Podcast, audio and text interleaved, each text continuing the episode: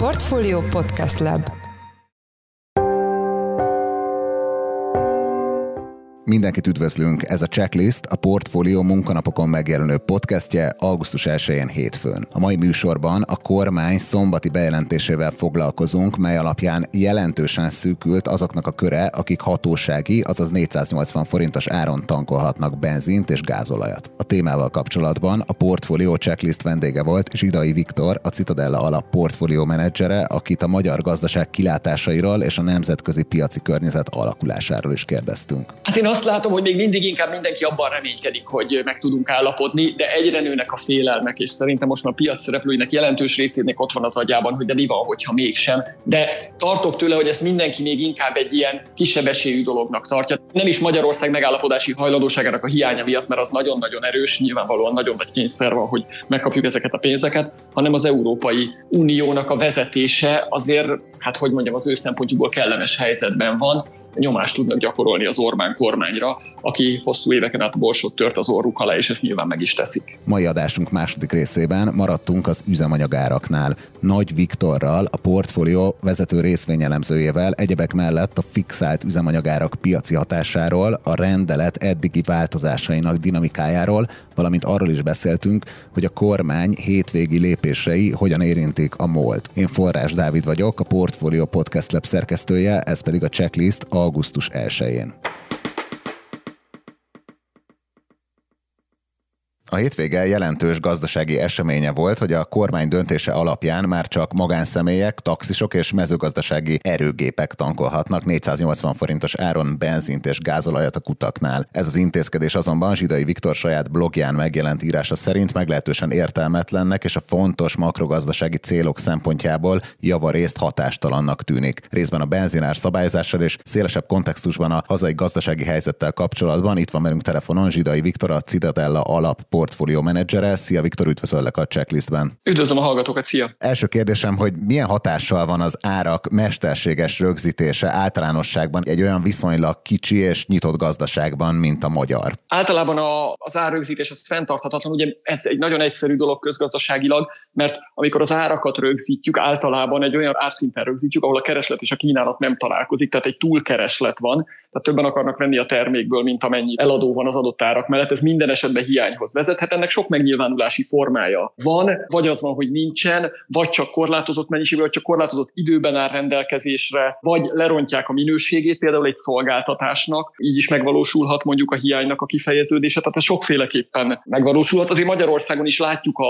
benzinkutaknál, aki jár, hogy azért itt már hiányjelenségek léptek föl. Ennyi litert lehet, annyi litert lehet, egyes kutakon nincs 95-ös, csak 100-as, tehát hogy azért ez teljesen egyértelműen itt is megnyilvánul mindenben. Igen, most rá is térnék erre, hogyha a specifikusan az üzemanyagárak rögzítését nézzük ugye a jelen gazdasági környezetben, akkor itt milyen kockázatokat futunk ezen kívül, hogy nem lesz? Ami nagyon fontos, egy kicsit, hogyha ha messzebbről nekifuthatnék, ugye Magyarország nagyjából 2021 második felétől már láthatóan, és a világ is, csak Magyarországnak nagyon nagy az energia iránti kitettsége, tehát a, világ kezdett belefutni egy energiaválságba, elsősorban a gázáraknak a megugrása, másodszorban az áram és a üzemanyagárnak a berobbanása miatt. Ugye egy ilyen helyzetben mit tud tenni egy kormányzat? Ez nyilvánvalóan egy energiaársok, ami mindenképpen negatívan érinti az országot, de valamit azért lehet tenni. Magyarország és más országok esetében is a logikus dolog, hogy megpróbáljuk lecsökkenteni a fogyasztást. Ugye ezáltal javítjuk a külkereskedelmi pozíciónkat. Ugye azt lehet látni, hogy a, a folyó fizetési mérlegünk rendkívüli mértékben leromlott, egy nagy többletből átkerültünk egy nagy hiányba, deficitbe. Tehát megpróbáljuk lecsökkenteni a fogyasztást, és megpróbálunk tartalékokat képezni, hogy amikor eljön majd a válságos időszak,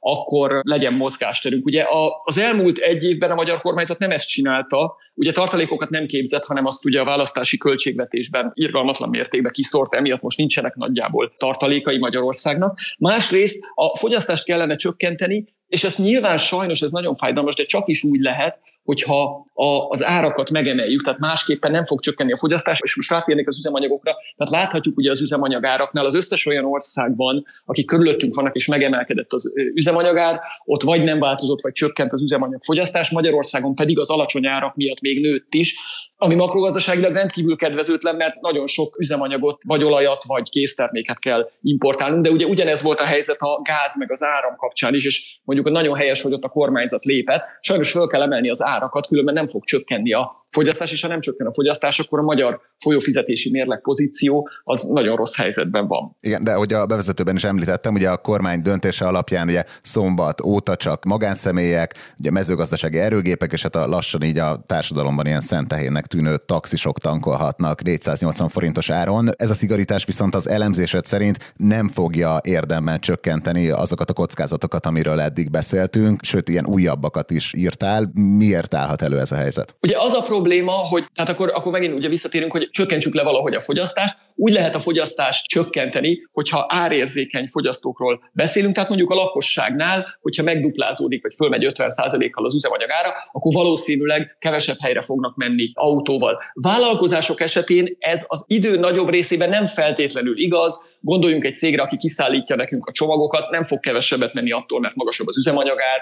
vagy amit írtam itt a cikkben, egy területi képviselő, neki ugyanúgy végig kell látogatnia a ügyfeleit. Tehát a cégek esetén is nyilván lesz egy takarékoskodás, de sokkal kisebb mértékű, tehát a fogyasztás csökkentés az nem fog nagyon megtörténni. És ugye az is nagyon-nagyon nagy probléma, hogy hogy történt ez az egész szabályozás. Az egész szabályozás úgy történt, hogy azt mondjuk, hogy mostantól megfizetik ezt a magas árat a vállalkozások. Ugye ezzel, mivel a MOL, aki a legnagyobb benzin, illetve gázolaj értékesítő Magyarországon, ezzel a MOL-nak a profitja megnövekszik, de egyből a kormány meg is emelte a MOL-nak a külön adóját, tehát ezt a többlet profitot, ami lett volna a MOL-nál, azt elvette. Tehát valójában az történik, hogy a kormányzatnak megnőnek a bevételei, miközben a vállalkozásoknak pedig megnőnek a terhei. És a vállalkozások ezeket a terheket, a megugró terheket nyilvánvalóan át fogják hárítani a lakosságra. Tehát annyit értünk el ezzel, hogy megnő az infláció, ami viszont pozitívumnak tűnik, az egyedüli pozitívum ebben a történetben, hogy a kormányzatnak több bevétel lesz ugye a molnak a különadójából. Ez szerintem egyébként jó. Eltávolodva a benzinár intézkedéstől, körülbelül tíz napja azt írtad a blogodon, nem sokkal azt követően, hogy a, kormány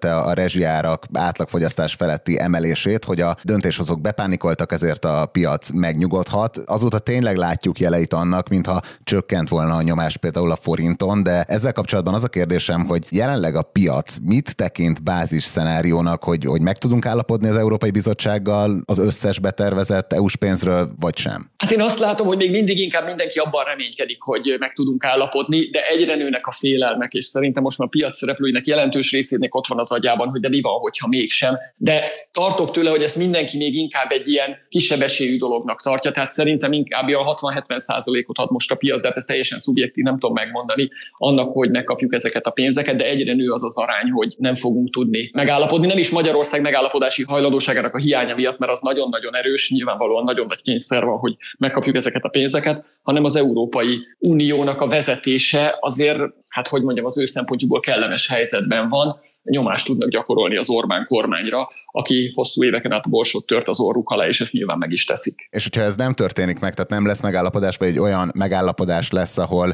az EU-s pénzek egy részéhez nem jut hozzá Magyarország, akkor szerinted továbbra is ilyen alulértékelte a forint, vagy, vagy akkor ilyen teljesen új mélységeket ismerhetünk meg a, a devizakurzusban? Egyrészt szerintem a, a forint rendkívül alulértékelt. Tehát, hogyha bármilyen szempontból nézem a forintot, szerintem olyan 10-15 százalék alulértékelt én mindenképpen azt gondolom, hogy most 350 körül lenne a helye nagyjából. Másrészt viszont azt is külön választanám, hogy mennyi pénzt kapunk, tehát hogyha valamilyen megállapodás sikerül az Európai Unióval létrehozni, és valamennyi pénzt kapunk, akkor az mégiscsak azt jelzi a befektetőknek, hogy Magyarország az EU-nak, hogy úgy mondjam, a szerves része marad, még ha egy kicsit meg is van büntetve. Tehát akkor igazándiból az a sztori, hogy Magyarország egy megbízható, stabil ország viszonylag, és még az Európai Uniónak szerves része az nem törik meg. Amennyiben semmi pénzt nem kapunk, és hosszú ideig semmi pénzt nem kapunk, akkor pont ez a hit fog megingani szerintem, és ez a legnagyobb probléma, hogyha fölvetődik annak az esély, hogy hé, hát Magyarország az EU-tól se kap pénzt, lehet, hogy benne se fog maradni az Unióban, akkor ez egy komoly bizalmi válságot okozhat, és ebben az esetben sajnos bármilyen alulértékelt is a forint, lenne még komolyabb tere a forint gyengülésének. Én azt gondolom, hogy a magyar döntéshozók ezt mindenképpen megpróbálják elkerülni. Én ezt látom, hogy egy bank meg a kormányzat működésén is, és nagyon helyesen megpróbálják elkerülni. Hát nem tudok más mondani, reméljük, hogy sikerül. A már említett cikketben ugye a magyar növekedési kilátásokkal kapcsolatban, hogyha jól értettem, akkor még abban a szenárióban is, amikor megkapjuk az EU-s pénzeket, megfogalmaztál félelmet félelmeket a, a növekedési potenciálunkkal kapcsolatban. Itt azt írtad, hogy az éves szinten 1-2 százalékos bővülés az már az optimista szenáriót mutathatja. E, ez miért van? Ugye itt azért más elemzők sokkal nagyobb növekedéssel számolnak a következő időszakra. Hogyha megnézzük az elmúlt tíz évet, hogy mi történt, ugye ez tíz egy elég hosszú időszak, abban már volt felívelés, dekonjunktúra, tehát többféle dolog volt. Az elmúlt tíz évben Magyarországnak a növekedése, a GDP növekedése éves olyan 2,8% volt, tehát egy közel 3%-os növekedés volt, de ezt úgy értük el, hogy irgalmatlan sok új munkaerőt hoztunk be a piacra, ami, ezt le is írtam, hogy szerintem ez nagyon jó, mert társadalmilag mindenképpen az a cél, hogy a teljes foglalkoztatás közelébe legyünk. Tehát ez jó, csak ugye ez azt jelenti, hogy ha egy kicsit számolgatunk, hogy a munkaerőnek a termelékenysége, tehát hogy egy dolgozó egy óra alatt mennyi értéket állít elő, az valójában évente csak egy százalék körüli mértékben nőtt, mert a többi növekedés, a többi magyar gazdasági növekedés abból adódott, hogy sokan, akik korábban nem dolgoztak, azok elkezdtek dolgozni. És ezzel annyi csak a probléma, hogy ez a munkaerő bázis, akit még be tudunk vonni a gazdaságba, ez úgy látszik, hogy már eltűnt, nincsen tovább. Tehát innentől fogva marad az, ami korábban volt, tehát hogy a munkaerő termelékenységét kellene növelni, és hát azt láttuk, hogy az elmúlt tíz évben ez csak éves egy százalék volt, és nem nagyon látom annak az okát, hogy a magyar munkaerő termelékenysége a következő tíz évben magasabb lenne, ahhoz be kellett volna ruháznunk mindenféle intézményrendszerbe, elsősorban oktatásba kellett volna, részben egészségügybe, miközben ugye a, az elmúlt évek kormányzatának a fő irányvonala az volt, hogy pont az egészségügy és az oktatás felől csoportosított át a saját működésére, sportra és az egyházakra. Tehát, hogy ez nem egy olyan jellegű mozgás volt a költségvetésben és a kormányzatnak a működésében, ami hosszú távú növekedési potenciálunkon javított volna. Tehát én nem gondolnám, hogy nagyobb lenne, mint az elmúlt tíz évben, ebből pedig ez jön ki, az egy százalék, jó esetben kettő. És erre a munkaerő növekedési deficitre erre nem lehet megoldás azok a távol-keleti munkavállalók, akik most már elég nagy mértékben érkeznek Magyarországra? ha olyan mértékben tudnánk, vagy akarnánk behozni munkavállalókat, mint amilyen mértékben mondjuk az elmúlt tíz évben munkavállalók jöttek a magyar munkaerőpiacra, de ez éves több tízezer számról beszélünk, és minden évben mondjuk tíz éven át, és az EU-val is jó viszonyunk van, akkor abban az esetben lehet, hogy fel lehetne tartani ezt a növekedést. Végül térjünk rá még a múlt heti amerikai kamatemelésre. Ugye itt 75 bázispontos emeléssel a Fed új célszintje 2,25 és 2,5 százalék közé került, és azzal kapcsolatban is tett üzenetet Jerome Powell Fed elnök, hogy közelíthetünk a monetáris szigorítási ciklus tetőpontjához. Ez önmagában milyen hatással lehet a forintra és a magyar gazdaságra? Nem vagyok benne biztos, hogy az, amit a jegybank üzen, és amit a piacok most gondolnak, az igaz, de az elég meggyőzőnek látszik, hogy szinte minden piac ugyanarra a pályára állt rá, tehát mindannyian ugyanazt árazzák, ők elfogadják ezt az üzenetet. A piacok szerintem nagyjából azt gondolják, hogy még egy nagyot vagy két kisebbet emel a Fed, és akkor nagyjából meg is vagyunk. Jól látszik, hogy az inflációs nyomás mind a élelmiszerárak, mind az energiaárak, mind az összes többi árupiac oldaláról csökken, a világ nagy gazdaságai lassulóban vannak. Lehet, hogy tényleg nincs sok értelme, hogy a Fed, illetve a többi jegybankok is, például az ECB is már nagyon sokáig folytassa a kamatemelést. Tehát lehet, hogy a kamatemelési ciklus vége fele vagyunk. Mindenképpen ezt árazzák a piacok. Amennyiben igaz ez a feltételezés, és ezt fogják a továbbiakban is árazni a piacok, az ugye azt jelenti, hogy az a nyomás, ami volt a világon, hogy folyamatosan kamatokat kell emelni, és erősödik a dollár, ez le fog állni. Ugye általában a fejlődő piacoknak a legveszélyesebb időszak mindig az, amikor az amerikai jegybank emel, és a dollár erősödik. Ugye erre jó példa volt az elmúlt hónapoknak a mozgása. Tehát amennyiben ez véget ér, az azt gondolom, hogy egy jelentős könnyítést jelent a magyar tőkepiacok számára is, egy nagy súly kerülne le rólunk. Igen, még ebben az írásodban említed a, az árbér spirált, amit korábban már munkaerőpiaci elemzőkkel is, velük is sokat beszéltünk erről a, a portfólió podcastjaiben. Ezt mikorra fogjuk látni, hogy, hogy milyen mértékben indult el, vagy tényleg egy ilyen spirálhatás beindult el Magyarországon a gazdaságban? Hát szerintem ez legközelebb, mit tudom én, mondjuk jövő év tavaszára fog kiderülni, hogy ha mondjuk belassul a magyar gazdaság, és mégis magas marad a munkabéreknek a növekedése, akkor az a, ott fog látszani. Tehát nagyon nehéz szétszálazni szerintem most a dolgokat, és ezt le is írtam, hogy, hogy az elmúlt hónapokban annyira mellélőtt mindenki tehát megnézzük, hogy fél éve mit jósolt bárki inflációra, és mi lett Magyarországon. A, nincs köszönő viszonyba se azzal, amit most látunk. Ez azért van, mert borzasztó nehéz előrejelezhetőségi helyzet van jelenleg, és mire szétszálazunk, hogy melyik hatás hogyan nyilvánul meg, azt szerintem hosszú hónapok lesznek. Tehát szerintem az, hogy bér, ez a bérár spirál Magyarországon kialakult-e, ez legalább 6, de inkább 9 vagy 12 hónap, mire tényleg pontosan látni fogjuk, hogy ez van-e. Vannak rá sajnos arra utaló jelek, hogy elég sok cégnél kezdik automatikusan megpróbálni az infláció növekedését kompenzálni a munkavállalóknak, ami a munkavállalók egyéni szempontjából nyilván jó, csak ez makrogazdaságilag nem túl jó, mert ez azt jelenti, hogy tartósan, magasan ragadhat a, az infláció, és nagyon sokáig harcolhatunk ezzel ellen ebben az esetben. Köszönjük szépen az elemzésedet. Az elmúlt percekben Zsidai Viktor, a Citadella alap portfólió menedzsere volt a checklist vendége. Köszönjük szépen, hogy a rendelkezésünkre álltál. Köszönöm szépen, minden jót!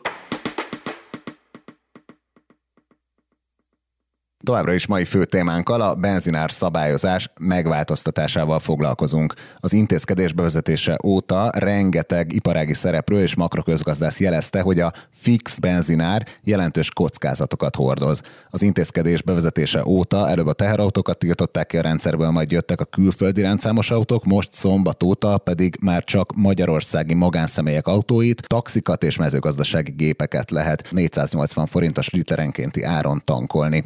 Az azzal kapcsolatban, hogy mi vezethetett oda, hogy a kormány szombaton radikálisan módosította rendeleten. Itt van velünk telefonon keresztül Nagy Viktor, a portfólió részvény vezető elemzője. Szia Viktor, üdvözöllek a checklistben. Szia Dávid, üdvözlöm a hallgatókat! Első kérdésem, hogy milyen hatással volt a hazai üzemanyagpiac szereplőire a november óta érvényben lévő benzinárstop? Szerintem egyébként egy nagyon fontos információ, amivel kezdett, hogy tavaly november 15 óta él ez.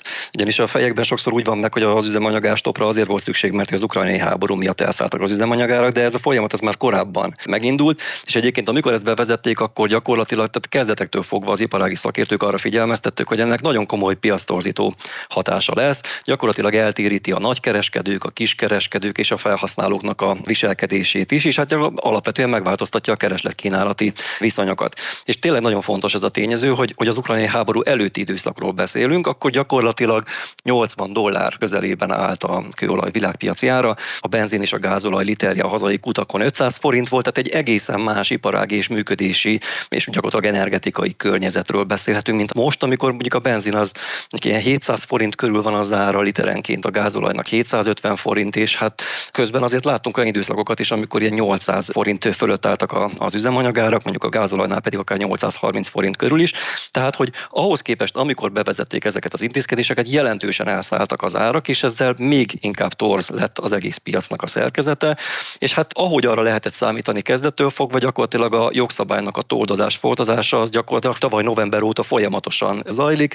Ugye idén februárban volt egy lépés, amikor a kiskutakat segítették meg különböző döntésekkel. Aztán február végén ugyan nem csak a kiskereskedelmi, hanem már a nagykereskedelmi árat is rögzítették literenként 480 forinton, azóta pedig több lépésben jövedéki adót csökkentettek, aztán május végén volt egy olyan döntés, amikor a külföldi fogyasztókat zárták ki a hatósági árból, és aztán ugye azt látjuk, hogy folyamatosan felülvizsgálta szorul a rendszer, és ennek a legutóbbi eleme volt az, amikor most múlt heti döntésével a kormány gyakorlatilag csak a magánszemélyeket részesíti már abban a privilégiumban, hogy a 480 forinton tankoljanak. Igen, és egyébként hogy alakult időközben a, a lakossági fogyasztás, azt mennyire reagálta le ezt a helyzetet? Hát gyakorlatilag úgy, úgy reagált a lakossági fogyasztás, ahogy erre számítani lehetett. Ugye itt most külön egyébként lakosság és nem lakossági fogyasztásra nem látunk adatokat, de hogyha a teljes piacot nézzük, akkor gyakorlatilag az mondható el, hogy az elmúlt hónapokban korábban soha nem látott szintekre emelkedett az üzemanyagfogyasztás Magyarországon. A legutóbbi adat az egy májusi adat a NAV-nak az adatsorából, és az alapján egyébként az látszik, hogy gázolajban 389 millió liter fogyott egy hónap alatt, és megnéztük a számokat, és ugye nem feltétlenül azzal érdemes összevetni, ami mondjuk az elmúlt két évben volt, tehát 2020-21-ben, amikor a Covid miatt, a lezárások miatt mondjuk alacsonyabb számokat láthattunk. Nézzük meg azt, hogy 2019-ben, tehát egy nagyon erős évben milyen számokat láttunk, és ahhoz képest egyébként a gázolajfogyasztás az 29%-kal több. Tehát ez egy brutális, brutális szám, tehát itt ilyen, ilyen néhány százalékos változásokról beszéltünk az elmúlt években, és egyébként a benzinre is nagyon hasonló számok jönnek ki, ott idén májusban 190 millió liter üzemanyagot adtak el, és a 13%-kal magasabb, mint 2019 májusában. Sőt, egyébként azt is elmondhatjuk, hogy most a tavaszi számok azok már mondjuk olyan magasak voltak, mint az elmúlt években a kiugró nyári értékek. Ugye jellemzően nyáron ugrik meg a fogyasztás Magyarországon is, és hát ma tavasszal láttunk olyan számokat, amiket egyébként nyáron szoktunk látni. Tehát az, hogy olcsón lehet ma Magyarországon üzemanyagot tankolni, az alapvetően meghatározza a keresletet, és hát ugye elhangzott már ez többször szakértők szájából is, hogy gyakorlatilag úgy tankolnak a magyarok, mint hogyha nem lenne holnap. Ez a számokon egyértelműen látszik. Ugye ennek a rendeletnek a, a változtatgatásáról egy, egy nagyon részletes elemző cikket közöltél a napokban a, a portfólión, amit persze linkelünk is az epizód jegyzetekbe, de kik voltak azok a szereplők, vagy kik azok a szereplők, akik a legvokálisabban jelzik a kormánynak, hogy valami gond van ezzel a rendszerrel, vagy kik kongatják a, a leghangosabban a vészharangot, és, és mit mondanak? Hát gyakorlatilag mindenki. Tehát, hogy az iparágnak az összes szereplője élőkön a moll tehát a MOL azért központi szereplője lett ennek a történetnek, korábban is nyilván fajsúlyos szereplő volt, de azzal, hogy mondjuk a nagykereskedelmi piacon gyakorlatilag most arra a MOL maradt egyedüliként, ezzel a terheknek a nagy része is a molnak a vállát nyomja, tehát nyilvánvalóan az elmúlt hónapokban a MOL vezetőitől, elsősorban Ratat is Pétertől és Hernádi Zsoltól hallottunk kommenteket, és hát most az a kongatják a vészharangokat, elég erős kifejezéseket használtak, és ők már hónapok óta arra figyelmeztetnek, hogy komoly üzemanyag hiány jöhet a magyar piacon, aminek nemzetközi lába is van, tehát ez nem csak egy magyar történet, és nem csak a hatóságiáról szól ez a, ez a dolog. Itt arról van szó, hogy a régióban gyakorlatilag mondjuk öt finomító van, ebből kettő működik jelenleg. Csehországban van egy finomító, amely tűz miatt állt le, az ÖMV-nek van egy sveháti finomítója, amelyben egy karbantartást hajtottak végre, és az újraindításnál egy baleset történt, úgyhogy azóta az is áll, majd valamikor ősszel tud elindulni és teljes kapacitáson működni, és hát július végével a molnak a százhalombatai finomítója is leállt. Tehát most egy olyan környezetben vagyunk, amikor egyébként is nehéz a helyzet, hiszen ellátási problémák egész Európában jelentkeznek, főként a gázolajnak a piacán, és ebbe a környezetbe jött be az, hogy egymás után állnak le a régiónak a finomítói, részben egyébként ez volt az a katalizátor, ami miatt a, a magyar kormány is lépett most. És milyen hatásokat vár a kormány a szombati szigorítástól, és mit mondanak az iparák szereplői? Eléggé vegyes, a, vegyes a, az adat, vegyes a kép. Ugye azt látjuk, hogy, hogy a kormány az, azzal számol, hogy mivel változik a helyzet, és hogy a fogyasztók körét jelentősen csökkentették, és szűkítették, akik hozzáférhetnek a 480 forintos hatósági áron kiszolgált üzemanyaghoz.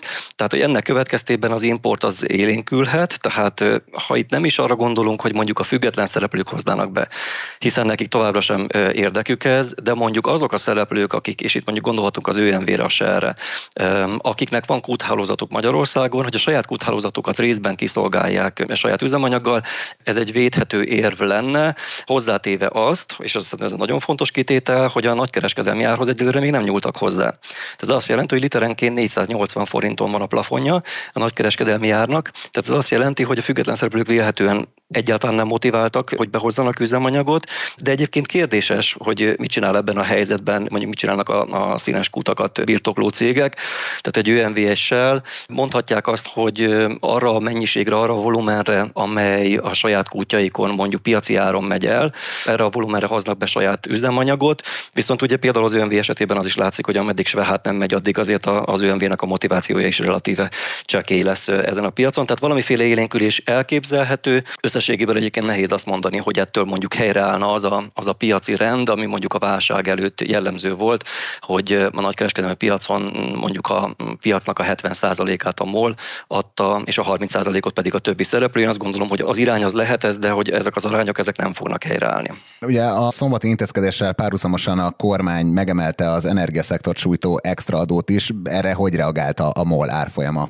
Ja, azt láttuk, hogy a piacnyitást követően a molnak az árfolyam egy ilyen 3,5% mínuszba zuhan, de nagyon gyorsan vissza is jött. Azért ellentétes hatások zajlanak itt, tehát hogy pozitívum mindenképpen, hogy a, a molra nehezedő nyomás az valamelyes csökkenhet, és az is lehetséges, hogy mondjuk a volumennek azok jól alakulnak majd, és hogyha minél nagyobb volument adnak el piaci áron, és nem a 480 forintos literenkénti hatósági áron, akkor ezen a mol nagyon szépen fog keresni.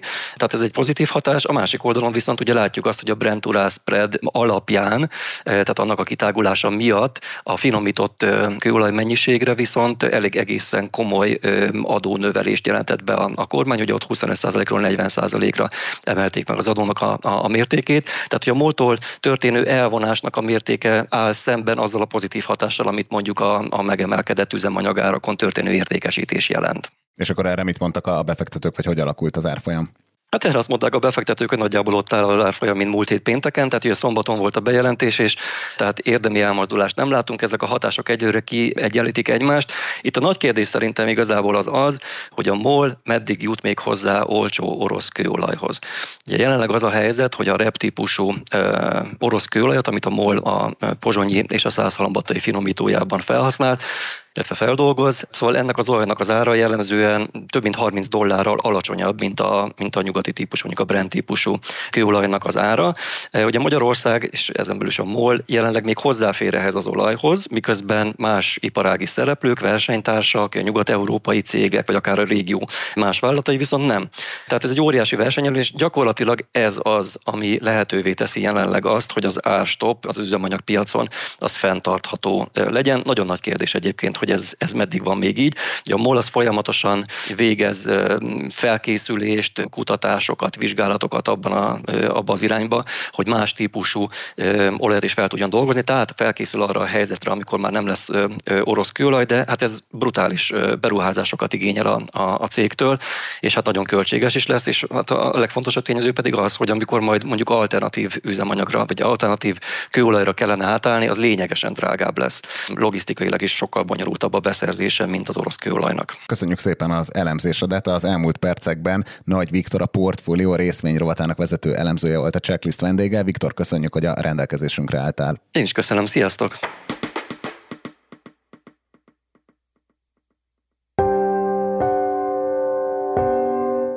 Ez volt már a Checklist, a Portfolio munkanapokon megjelenő podcastje. Ha tetszett az adás, iratkozz fel podcast csatornánkra valamelyik nagy podcast felületen, például a Spotify-on, az Apple Podcast-en vagy a Google Podcast-en. Ha segítenél nekünk abban, hogy minél több hallgatóhoz eljussunk, akkor arra kérünk, hogy értékeld a Portfolio Checklist podcast csatornáját azon a platformon, ahol követsz minket. A mai adás elkészítésében részt vett Bánhidi Bálint, Gombkötő Emma és Pitner Gábor, a szerkesztő pedig én, Forrás Dávid voltam. Új adással holnap, azaz kedden ötkor jelentkezünk, addig is minden jót kívánunk, sziasztok!